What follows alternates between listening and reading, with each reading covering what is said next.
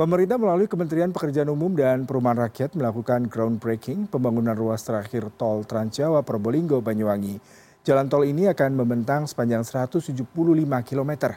Jasa Marga Probolinggo Banyuwangi memulai peletakan batu pertama pembangunan ruas jalan tol terakhir yang akan menyambungkan seluruh Transjawa dari Anyer ke Banyuwangi.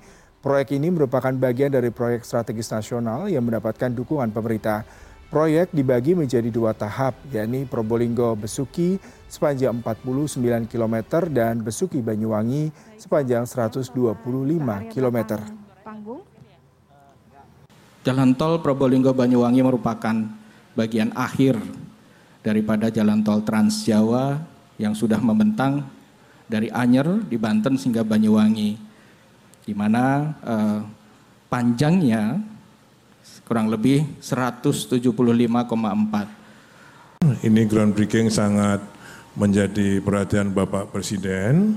Salam beliau karena saya ke sini juga izin beliau.